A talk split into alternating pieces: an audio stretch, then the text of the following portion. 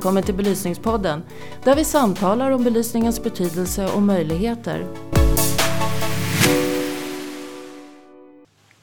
Välkommen till Belysningspodden. Jag heter Mikael Castanius och idag sitter jag här med Magnus Fransell. Och Magnus behöver kanske ingen större presentation. Du är känd av de flesta i branschen som mångårig VD för belysningsbranschen bland annat. Men hur kommer det sig, hur kom du in i branschen Magnus? Hur började du i belysningsbranschen? Ja, det var ett intresse jag hade eh, långt tidigare och det var ju för tidningar och, och media. Så att eh, jag hade gått på eh, universitetet och vi hade gjort en del tidningar, universitetstidningar och så vidare. Och sen gick jag ju, sen så 1970 så, så sökte jag eh, jobb som assisterande redaktör på tidningen Ljuskultur. Och eh, det var så jag kom in i branschen som, som eh, eh biträdande redaktör och sen ansvarig för tidningen Ljuskultur 1970. Så det var inte belysning egentligen som låg i mitt stora intresse utan det var tidningsverksamheten. Om, om vi tittar lite grann på belysningsbranschens historia. Eh, jag har frågat mig många gånger, hur, hur uppstod egentligen belysningsbranschen och när, när formerade man sig mer som en bransch? Där? Har du informationen? Det var väldigt tidigt. Det var ju så att eh, den elektriska belysningen eh, kom in i, i det svenska samhället någon gång 1910-1920. Det var många då som upplevde, då hade, belys, då hade ljuskällorna, glödlamporna, blivit mycket starkare. Och det var många då som upplevde det att de var så starka och bländande så att det här kunde man inte ha så det skapades en motrörelse egentligen mot, mot eh, glödlamporna. Och i, i det läget så, så formerade sig då eh, framförallt lampfabrikanterna och en drivande kraft i det hela var då Osram som, som eh, Eh, såg att det här var ett, ett, ett, ett hot emot branschutvecklingen, emot försäljningen av glödlampor och så vidare. Så man eh, hade en, en eh, person på Osram som hette Ivar Folker och som kom att betyda väldigt mycket för ljuskultur och belysningsbranschen. Och eh, man eh, insåg att det här motståndet emot glödlampan för att den var så stark. Tidigare så hade man haft fotogen och man hade haft svagare glödlampor. Men det motståndet mot de här metalltrådslamporna och så vidare, det blev så starkt så man insåg att nej, vi måste göra någonting för att eh, breda vägen för, för glödlamporna. Och den, den, eh, den insikten man hade då, det var det att man kunde inte ha nakna glödlampor. Man skulle ha eh, skärmar, man skulle avblända ljuset och man skulle se till att det var eh, bländfritt. Och man startade då 1926 på, i september så startade man ljuskultur. Och eh, mottot då blev någonting som är egentligen giltigt idag. Man hade ett motto som sa god belysning, bländfritt ljus i tillräcklig mängd, mängd på rätt plats. Och det var det man började driva redan 1926 och det är ju giltigt än idag egentligen. Drev man det då mer som en bransch så att säga och, ja. och gick fram? Ja, man drev, man drev det som en bransch. Det var en branschorganisation som bildades då i september 1926 som heter Svenska föreningen för ljuskultur och som ägdes och drevs av belysningsföretagen. Och man hade utställningar, man gav ut mycket pamfletter, man gav ut eh, broschyrer och, och, och, så vidare med det här temat, en god belysning. Det var det temat man hade. Och man skrev om god belysning i hemmet, god belysning på arbetsplatsen, god belysning i butiken och så vidare. Det finns en uppsjö av broschyrer, informationsmaterial, utställningar ifrån den tiden som man drev ifrån, ifrån eh, ljuskulturbelysningsbranschen. Du nämner här, det var drivet av några företag, bland annat Osram då, som, som drev ja. fram det här med belysningsbranschen. Men hur såg det ut med företagen om man säger så? När, när, när kom de första riktigt stora belysningsföretagen fram? Och vilka du, de flesta var ju internationella. Det var ju Osram och Philips och, och Siemens och, och, så vidare. Men eh, de svenska belysningsföretagen, eh, armatörföretagen, det var till exempel Bögmarks 1972. Sen kom ASEA in. NK kom in i bilden. Och sen var ju Kosta glasbruk och Orrefors glasbruk väldigt tidiga på belysningsområdet. Och det var för att de kunde göra belysningsarmaturer som var då avbländade och inte nakna glödlampor och liknande. Om man går vidare lite grann i tiden här så kom ju då på 30-talet så kom ju då Axel Anell.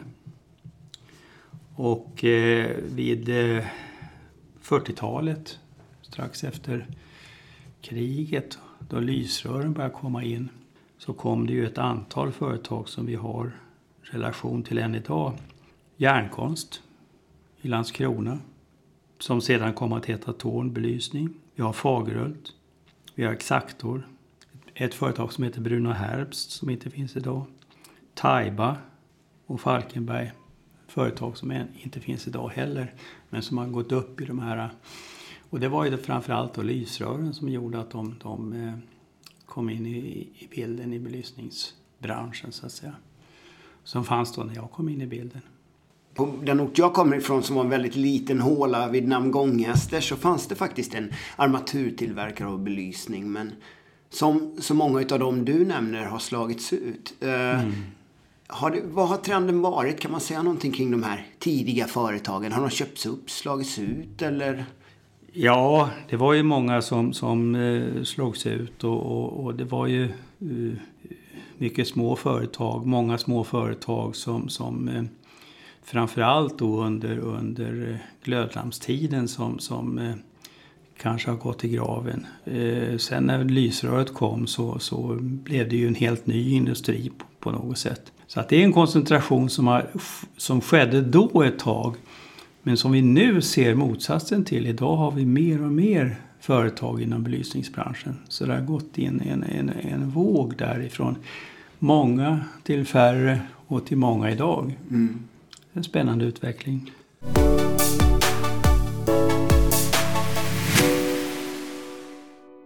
Men vad har egentligen eh, ljuskultur och eh, belysningsbranschen betytt för branschen? Vi har gjort väldigt mycket under, under alla år och i, i början, de, de eh, första åren här så var det ju Ivar Folker som drev på utvecklingen väldigt mycket. Det var mycket foldrar, det var broschyrer och man hade temat av god belysning i arbetet, i hemmet och butiken och så vidare. Sen har vi ju haft, som vi var inne på tidigare, tidningen Ljuskultur som jag tycker har betytt mycket för branschen att ha haft ett eget språkrör Eh, ut till, till marknaden. Eh, vi har drivit några kampanjer eh, som, som, eh, där vi har uppmärksammat belysningen i olika sammanhang. Vi hade en kampanj som hette Se om ditt ljus-kampanjen där vi vände oss till eh, Arbetsmiljöverket och vi Konsumentverket och, och så vidare. Vi satsade väldigt mycket på det och hade mycket god kontakt med, med eh, myndigheterna. Eh, vi hade en kampanj som var väldigt, väldigt eh, unik för Sverige. Det var fullfärgskampanjen. När fullfärgsskyddsrören kom så hade de en väldigt liten andel utav marknaden, kanske 9 procent.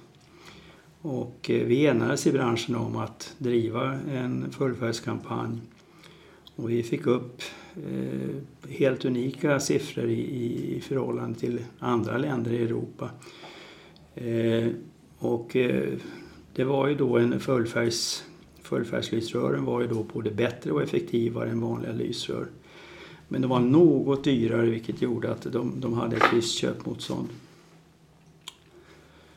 Eh, en annan sak som vi har jobbat mycket med det är ju den här eh, som idag kallas för ljus och rum. Man ska komma ihåg att den har, har en, en, lång historia bakom sig. Vi hade någonting som heter Luxtabellen under många år. Sen fick vi belysning inomhus där vi för första gången delade upp eh, belysningen i arbetsplatsbelysning och omgivningsbelysning. Och eh, där har då branschen kunnat så att säga beskriva vad som är god belysning. Och det är lite unikt också att, att eh, vi har stått för eh, vad som är betraktat som ljuskvalitet och ljuskvantitet. Jag sysslar mycket med utbildning. Vi har stött Ljushögskolan i Jönköping. Vi hade ett tag också en, en ljusskola som vi kallade det för, som vi körde i egen regi, men som vi la ner när JTH kom in. Jag sysslar mycket med lobbying. Jag har varit i kontakt med alla myndigheter och alla Eh, massor med regeringsledamöter och, och, andra som, som har haft betydelse för belysning. En stor fråga som, som tog mycket arbete och eh, som har löst sig väldigt bra det är det här arbetet med elkretsen. Vi fick producentansvar för, för elprodukter och vi var med och byggde upp elkretsen. Som, det var ett stort arbete att hitta rätt nivå, hitta rätt organisation och allting. Eh, under min sista tid så jobbade vi otroligt mycket med glödlampsavvecklingen. Eh, den lagstiftning som, som eh, man eh, eh, lanserade var väldigt, väldigt svår, svårbegriplig. Och eh, branschorganisationen jobbade mycket med att beskriva eh, vilka produkter som skulle avvecklas och när och så vidare. Eh, och sist men inte minst så har vi haft en del hot i branschen. Det har varit prat om UV-strålning från halogenlampor. Det har varit fråga om kvicksilver i lysrör och så vidare. Vi har till och med haft en del diskussioner om radioaktivitet ifrån vissa eh, kompaktlysrör som har ställt till det. Men där har branschen varit tydlig med att, att förklara vad som gäller och ställa sig upp för hela, hela medlemskretsen. Det är några frågor som jag tänker på som, som jag har jobbat med.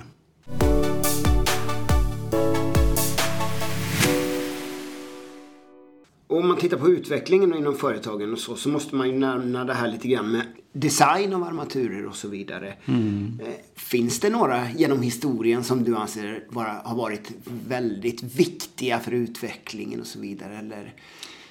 Armaturdesigners? Ja, ja. Eller, eller, några modeller utav armaturer eller något särskilt sådär som har varit... Det finns alltså Modeller finns det ju väldigt mycket. En lampa kan ju se ut hur som helst var det en som sa i branschen. Men om du tittar på, på eh, amatördesigner så har vi ju då ett antal som har stuckit ut under min tid. Eh, Hans Bergström, Anders Persson, Hans-Agne Jakobsson, Per Sundstedt som jag tror är den, i mitt tycke, den största av dem alla. Vi har Ole Andersson, vi har Bengt Källgren, vi har P.O. Ström. Det är några som jag kommer att tänka på som, som eh, stora armaturdesigners som, som har utvecklat branschen och som har tänkt på ljusbehandlingen och eh, armaturdesignen. Inte bara eleganta armaturer utan även armaturer som har då haft en ljusbehandling som har varit väldigt eh, positiv. Så det är de jag kommer att tänka på. Det finns säkert fler. Men har det, har det alltid varit viktigt med, med, med design eller kom, har det kommit in på senare år? Att man nej, nej, nej, nej det, har, det, det, har ju funnits och jag menar tar du sådana som Hans Bergström och, och, Anders Persson så är det ju långt tillbaka i tiden. Så armaturdesign har ju varit väldigt, det är många arkitekter som också har designat belysningsarmaturer. Eh, så att det har ju varit eh, nu pratar vi om armaturdesign, inte ljusdesign. Men armaturdesign har ju funnits i många år. Om vi lämnar för, företagen och designen en stund och tittar lite grann på tekniken. Mm. Jag antar att du har fått uppleva en hel del så kallade tekniksprång under din resa med, inom belysningsbranschen. Mm. Vilka är största, de största tekniksprången som har gjorts inom branschen? Ja, egentligen så är det ju bara eh, tre design, det är tekniksprång som, som, som har skett. Och, och, det är ju då först glödlampan, sen lysröret och sen LED. Men om du tittar på lite mer detalj på teknikutveckling så är det ju, ja glödlampan den uppfanns ju 1879. Lysröret kom på 1940-talet. Vad som hände sen var ju det att det kom ett lysrör som kallades i början för trebandslysrör och som nu vi kallar för fullfärgslysrör 1973. Det upplevde jag lågenergilampor, alltså glödlampsersättare. Sådana som skulle ersätta då glödlampor med E27-sockel och liknande. 1980. Vi hade HF-don. Vi hade haft elektromagnetiska don tidigare. Men vi fick eh, någonting som heter högfrekvensdon och det var då elektroniska driftdon för lysrör som var mycket mer effektiva. Och det kom eh, 1990. Eh, sen fick vi då T5-tekniken 1995. Och det var en ny lysrörsteknik som var ett helt system egentligen. Det var andra lysrörslängder, det var HF-don och det var som gjorde att en energibesparingar. Så det är 1995. Och sen efter det så kom ju då LED-tekniken. Så det är de stegen som jag ser som har hänt. Men är LED-tekniken, anser du, när du nu ja. rabblar de här, är det den här revolutionen ja, det är som alla pratar om? Ja, det är det. Det är, det. Det är helt, helt, helt revolutionerande. Det är alltså, eh, man ska komma ihåg det att det har en, en eh, det är den stora revolutionen, den största revolutionen som jag har varit med om i, i mitt arbetsliv så att säga. För det första så, alltså LED har ju funnits väldigt länge men den vita LEDen kom ju ganska sent. Och den har då exploderat i, i eh, effektivitet, i eh, bra kvalitet och så vidare. Och man ska komma ihåg det att belysningsföretagen har varit tvungna att ställa om hela sin, om vi tar då de som jobbar med, med lysrör och för, för det offentliga, de har ställt om hela sin produktion, sin produktutveckling och så vidare på en tid på kanske fem eller sju år. Mm. Alla produkter som har funnits tidigare har så att säga gått i graven och de har utvecklat helt nya produkter. Det har aldrig hänt tidigare. Det har aldrig hänt tidigare. Så det är en enorm revolution som har inträffat under de här åren. Och jag fick ju vara med om, om slutet på det och, och såg hur de... Och det är fantastiskt hur de har klarat av det. För de har, måste, har varit tvungna att satsa enorma pengar i produktutveckling. Helt ny teknik. Och vi pratade lite också om det innan intervjun här att LEDen har ju också utvecklats. Ja. Alltså att ja. Det här tvätta bort de dåliga bilderna folk har från den tidiga LEDen som kom som var väldigt kallt ljus och så vidare. Ja, på den proffssidan som, som jag har varit mest involverad i då så var det många misstag som gjordes på gatubelysningssidan. Det var ett antal företag som såg LEDen som en, en, en ingång i belysningsbranschen. Och det var många elverk och, gatukontor och liknande som, som fastnade för LED och, och, nya företag och så vidare. Och de fick ju ganska snart backa och se att de hade satsat eh, det hela. Så det var en backlash och den var vi väldigt oroliga för. Vi var oroliga för att LED skulle få en dålig klang på proffssidan. Den här andra dåliga LEDen som fanns på konsumentsidan den upplevde vi inte riktigt mycket, så mycket om. Men, men på proffssidan så var det framförallt då gatubelysning och vägbelysning som, som höll på att gå riktigt jäkla snett. Men det här är proffsuppköpare som insåg att de hade gjort fel och, och, och som sadlade om där var det inte så mycket blått ljus. Utan där var det mest bländningen som, som var den som, som eh, eh, bekymrade folk. Det blåa ljuset på LED eh, kom ju till därför att det var lättare att göra effektiva blåa LED än effektiva eh, varmvita LED. Så därför så fuskade man på den sidan. Idag så har ju är det ju lika effektivt att göra varmvita LED som, som någonting annat. Så man har kunnat gå över mer på kvalitetssidan än på kvantitetssidan när det gäller LED.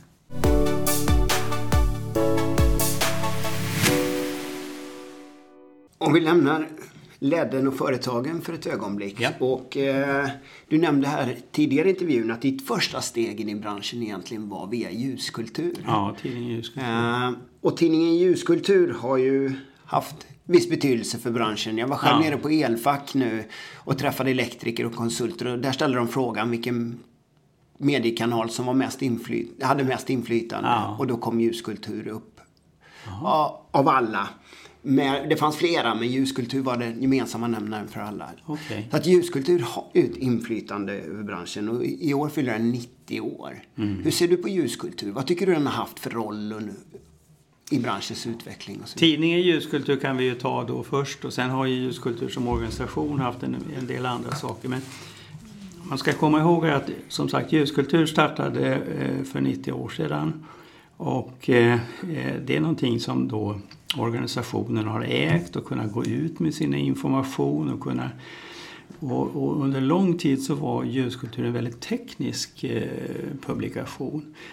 Och det var, hade sin, sin rot i att, att belysningen var under många år en väldigt teknisk fråga.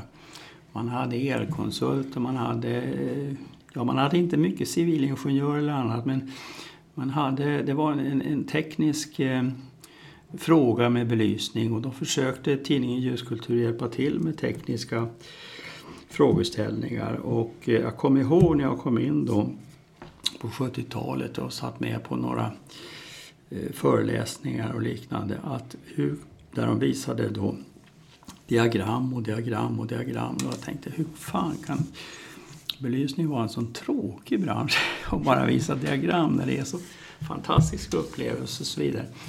Men sen kom en, en eh, förändring eh, och vi har ju då utvecklat tidningen till att handla om inspiration och tipsa om nya idéer och så vidare. Och framförallt så har vi då velat visa på föregångare och inspiration och så vidare.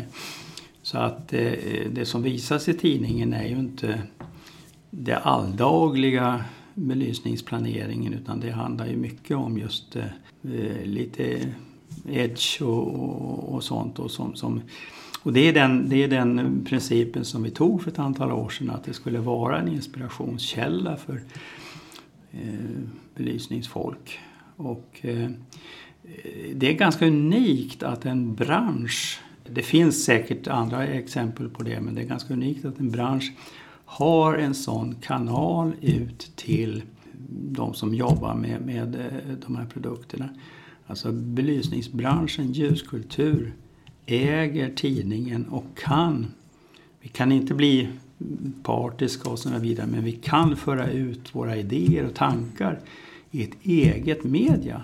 Och det tycker jag är väldigt, väldigt starkt.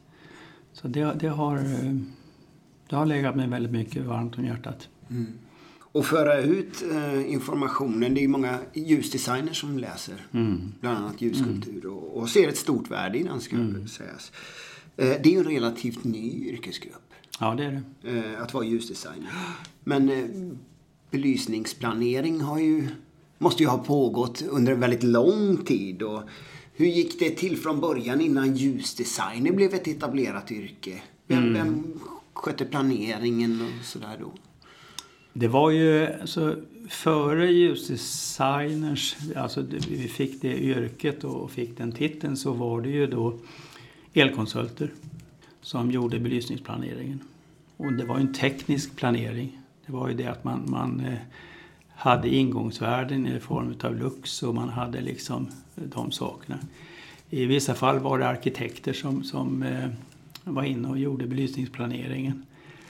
Eh, och jag kommer ihåg en historia utav en, en, en god vän inom branschen som sa det att arkitekten hade gjort en, en kyrka och han hade ritat in en, en belysningsarmatur där som var väldigt fin och väldigt vacker och så vidare. Och skulle lysa upp ett stort rum. Och sen så när det väl kom till kritan så visade det sig att den där armaturen klarade inte av att lysa upp hela rummet utan det blev bara väldigt och det var ju problemet med arkitekterna att de hade inte den utbildningen när det gäller volymen på belysning och så vidare. Men det var, framförallt var det elkonsulter, och arkitekter. Sen hade vi också några som var specialiserade på belysning som vi kallade belysningsplanerare och som var då föregången till våra ljusdesigners som, var i, som, som ryckte in då på stora projekt när det gällde då mm. att planera belysningen. Finns det några pionjärer inom ljusdesignyrket eller belysningsplaneraryrket som du kan nämna? Ja, det finns ju pionjärer. Alltså belysningsdesignyrket kom ju successivt och det var ju ett resultat av den utbildningen på JTH, Jönköpings tekniska högskola som, som eh, spottade ut ett antal eh, mycket duktiga. Men det var även andra som, som, eh, som inte hade den bakgrunden, som kom ifrån eh, teaterljussättning och liknande. Så att, att det, det, finns ett antal där. Jag vet inte om jag ska nämna några namn men, men eh, det kom ju successivt eh, Kai Pipo är ju naturligtvis en av dem som, som nämns som en av förgrundsgestalterna. Han har inte gått på ITH men, men han var väldigt tidigt ute och kallades ljusdesigner. Du pratar om JTH eller Ljushögskolan som ja. vi brukar kalla det ibland. Ja. Det är det ju inte i den bemärkelsen utan det är ju Jönköpings tekniska högskola. Men vad tror du den utbildningen har betytt för branschen? Enormt mycket. Enormt mycket. Eh, den är ju finansierad och stöttad av Bertil och Britt Svensson stiftelse för belysningsteknik och initierad utav, utav den stiftelsen. Och stiftelsen har ju satsat väldigt mycket pengar och energi och entusiasm inför den utbildningen. Och eh, det har ju varit avgörande för svensk belysningsutveckling. Vi har ju ett, ett stall av belysningsdesigners som är, saknar motstycke i, i norra Europa tack vare den utbildningen där. Så det har ju varit en, en, en eh, alltså den, den eh, satsningen går ju inte att överskatta på något sätt. Den har varit helt makalös alltså.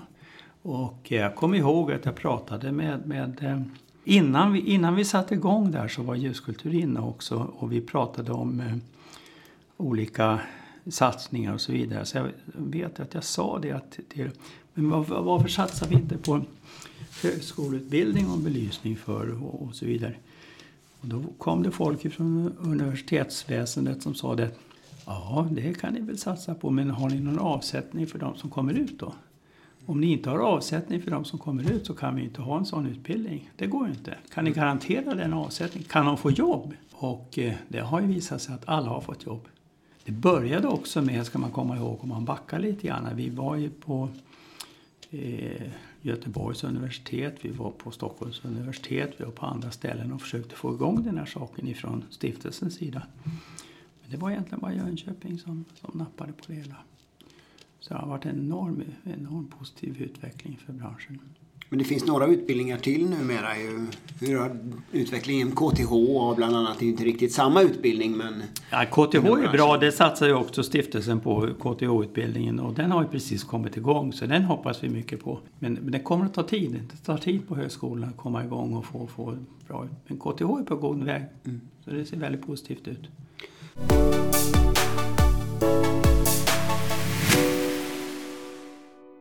Tal om att ta tid, Magnus. Ehm, om man googlar lite på vad du har skrivit under din tid och sådär som VD för belysningsbranschen så finns det ju tyvärr så att det är väldigt många frågor som vi fortfarande stångas med. Ja. Ehm, att eh, man ska satsa på byta ut belysningen för att spara energi. Det är så mycket billigare att att börja i den änden så att säga om man vill spara energi med vad energibesparing för det. Ändå händer ingenting. Hur ser du på det här idag? Att man, att, varför tar det sån tid?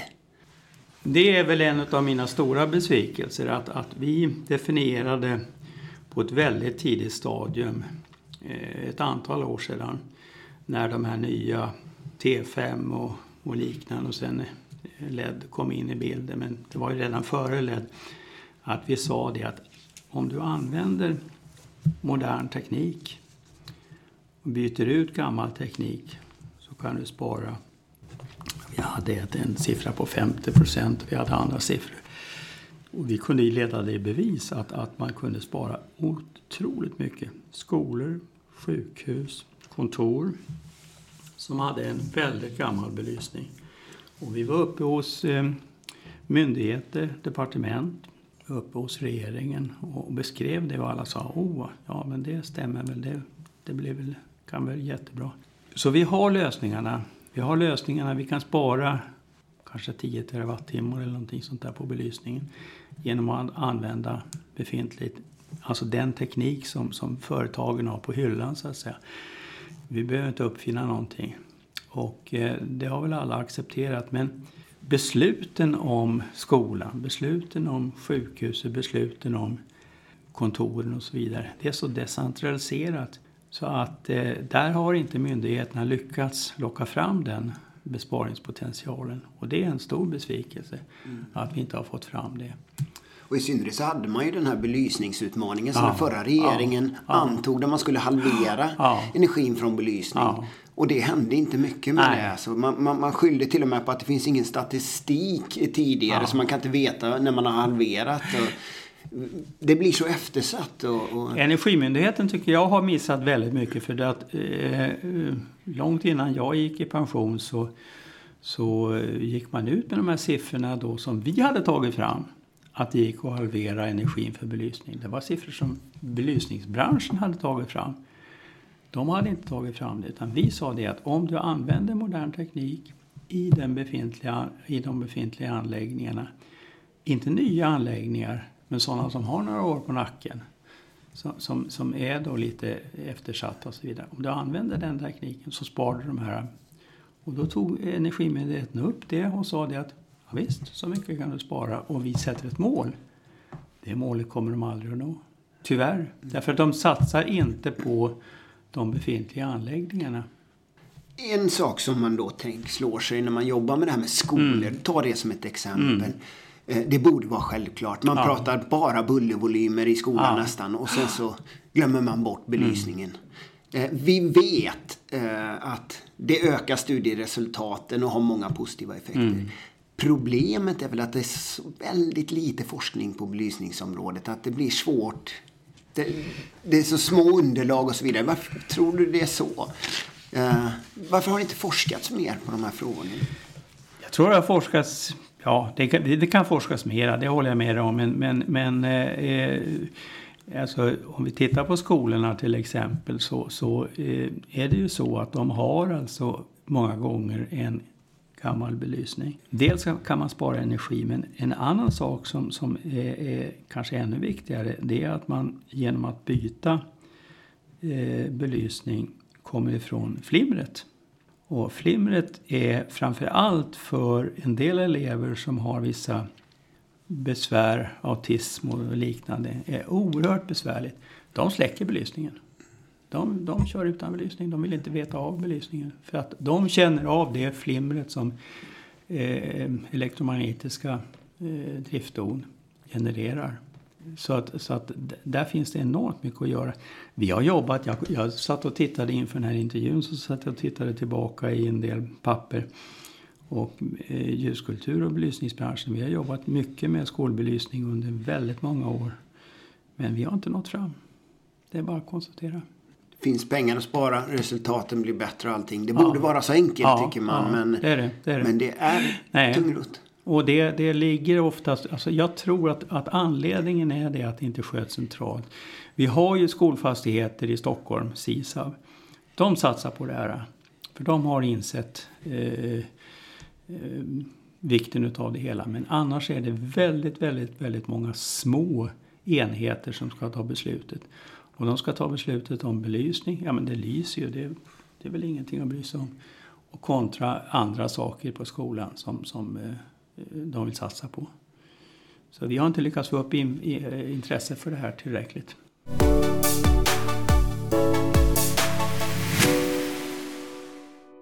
En annan fråga som jag tänkte på, du nämnde här innan då kring LED och bland annat att branschen gjorde misstag i början som Mm. man får lida för efteråt under lång tid och så vidare. Men om man ser nu så känns det nästan som att vissa av de här tidiga problemen branschen hade är på väg tillbaka. Jag tänker då inte minst på att internethandeln, det svåra att kontrollera handeln, det svåra att, att kontrollera produkterna som finns på marknaden gör att det kommer in en massa skräp i, Ja, det gör i det. Sverige. Det gör det. Och, och eh, det, dels har du ju då internethandeln som är väl kanske främst Eh, på hemsidan som, som är, bekymmersamt och det kommer in en massa skräp. Det är lättare, väldigt lätt idag att, att importera ifrån eh, Kina och så vidare. Det, flest, det mesta hembelysningen är ju tillverkad i Kina men på, på order eller på, på, på, som är bestämt utav svenska eh, tillverkare och, eller svenska importörer. Och där är det ju inga problem för de har ju definierat kvaliteten och de har kon- kontrollerat kvaliteten och så vidare. Det är de mera no-names som, som är problemet. Men det börjar ju också, det har kommit in lite grann på den officiella sidan också.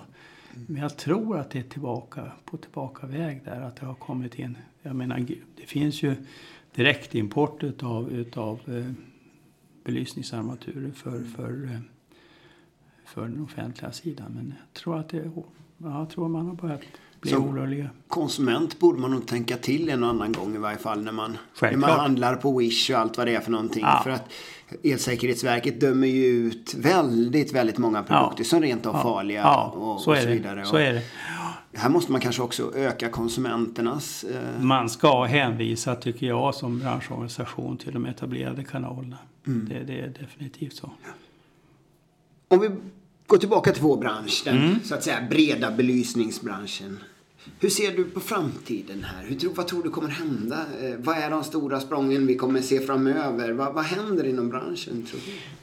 Ja, det är alltid svårt att, att, att sia framöver och det är lätt att, att extrapolera det som, som händer nu. Men det är klart att, att eh, hela utbildningssidan ser ju positivt ut.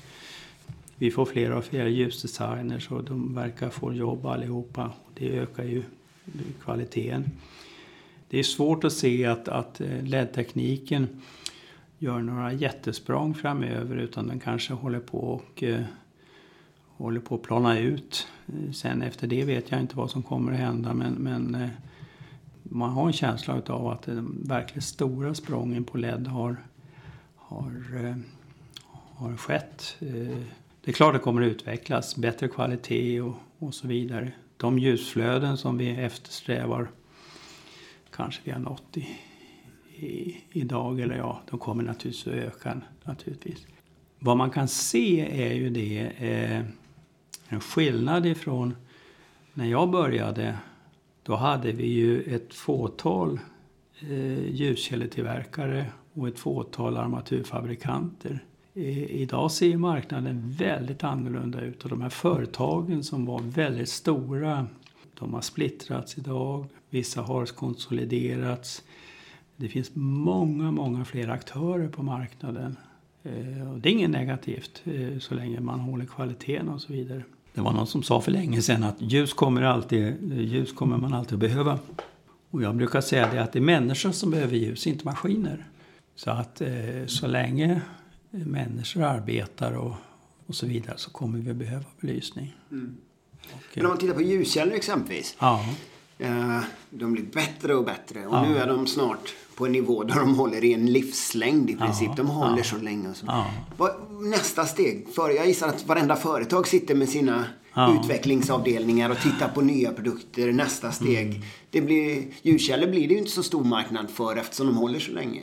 Vad tror du är nästa språng som de, belysningsbranschen kommer att jobba? Ja, det är, det är svårt att, att, att eh, spekulera. Jag kommer ihåg att jag pratade med en, en stor dagligvarukedja som, som eh, och det här var i ja, början på LED-tiden och sa det att ah, det är inte säkert att vi ska sälja ljuskällor i dagligvaruhandeln. I, då pratar han om sin, sin handel så att säga. Det är inte en dagligvara längre. Det är inte en dagligvara. Det får nog fackhandeln ta hand om. Eftersom de håller så länge. Och då var det lågenergilampor och början på LED-tiden. Och det blir väl ännu mera, ännu mera nu att det kanske inte är. Och jag såg en, en, en graf för, för eh, ett antal år sedan som visade på utvecklingen av just eh, glödlampsersättare. De visade ju på att piken utav LED-lampor, E27 sockel, då, det har pikat redan och det är på väg ner nu. Eftersom det är rent matematiskt, eftersom de håller så länge så behöver vi inte köpa så många längre. Så det kommer att bli annorlunda på den sidan. Och det kommer säkert att bli annorlunda. Jag vet inte riktigt vad som kommer att hända på proffssidan. Där finns det nog så mycket fortfarande ersättning som, som, som behövs. Det har ju varit enklare på glödlampssidan därför att man förbjöd glödlampor och glödlampor har en väldigt kort livslängd, tusen timmar. Det är ungefär ett år. Därefter så måste allting bytas ut, i princip. Och då eh, får man köpa i början lågenergilampor nu LED-lampor. Och de håller då mm, 10-20 gånger så lång tid. Så där skedde, den, den, den, eh, den teknikskiftet har ju redan skett. På armatursidan så är det inte riktigt samma sak för de håller längre och det finns ersättningsprodukter. De har inte förbjudit Lysröret har bra effektivitet om man inte förbjudit de andra produkterna. Men någonstans kommer man ju dit att de nya, de nya produkterna kommer att hålla väldigt mycket längre. Då kommer väl antagligen omsättningen att gå ner. Jag vet inte. Men rent matematiskt det verkar ju så.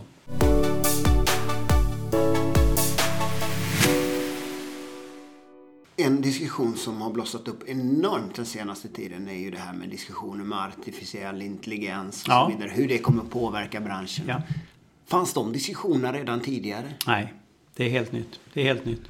Och det tror jag är, är, är möjlighet för, för belysningsbranschen också. Och, eh, att koppla ihop belysningssystem. Alltså belysningssystem, framförallt utomhus, är ju ett, ett nätverk utav belysningsstolpar och massa annat som kan utnyttjas eh, till att prata med varandra och ha kommunikation och, och, känna av saker och så vidare. Så där finns ju en helt ny möjlighet. Men det är inte belysning utan det är någonting annat fast man utnyttjar belysningssystemen. Jag brukar eh, leva efter devisen att ser man inte framåt och bakåt så får man se upp. Ja, eh, så är det. Vad, vad, om, titta på historien och varit med om den här utvecklingen mm. och varit med om stora tekniska språng och även misstag som branschen har gjort. Ja, ja. Vad är din rekommendation till branschen framöver? Kan du kort sammanfatta vad, om du har någon rekommendation till branschen? Ja, alltså det är ju att vara lyhörd för marknaden och, och, och eh, ha, ha örat på, på rälsen så att säga. Att vara lyhörd för vad marknaden vill. Och sen hela tiden jobba för kvalitet. Och det tror jag att de flesta företag gör idag. Belysning som sagt kommer alltid att behövas för att så länge människor arbetar och har fritid och så vidare så kommer vi behöva en belysning. Det är väl, det är väl så jag tänker i första hand. Så att jag ser inte någon farhågor för belysningsbranschen på något sätt. Avslutningsvis brukar vi alltid ställa våra gäster frågan vem skulle de vilja höra i podden? Har du någon person som du känner att det skulle jag gärna vilja lyssna på en podd med? Ja, jag tänker att det skulle vara någon ifrån JTH, Jönköpings tekniska högskola, som jobbar med belysningsutbildningen där. Och höra hur de möter sina ungdomar, hur de utvecklar sina ungdomar och hur de går ut därifrån med ny kunskap. För att eh, det är det mest eh, magiska jag har varit med om under min tid. Det är just utbildningen på JTH och hur de har kommit ut och fått jobb och så vidare.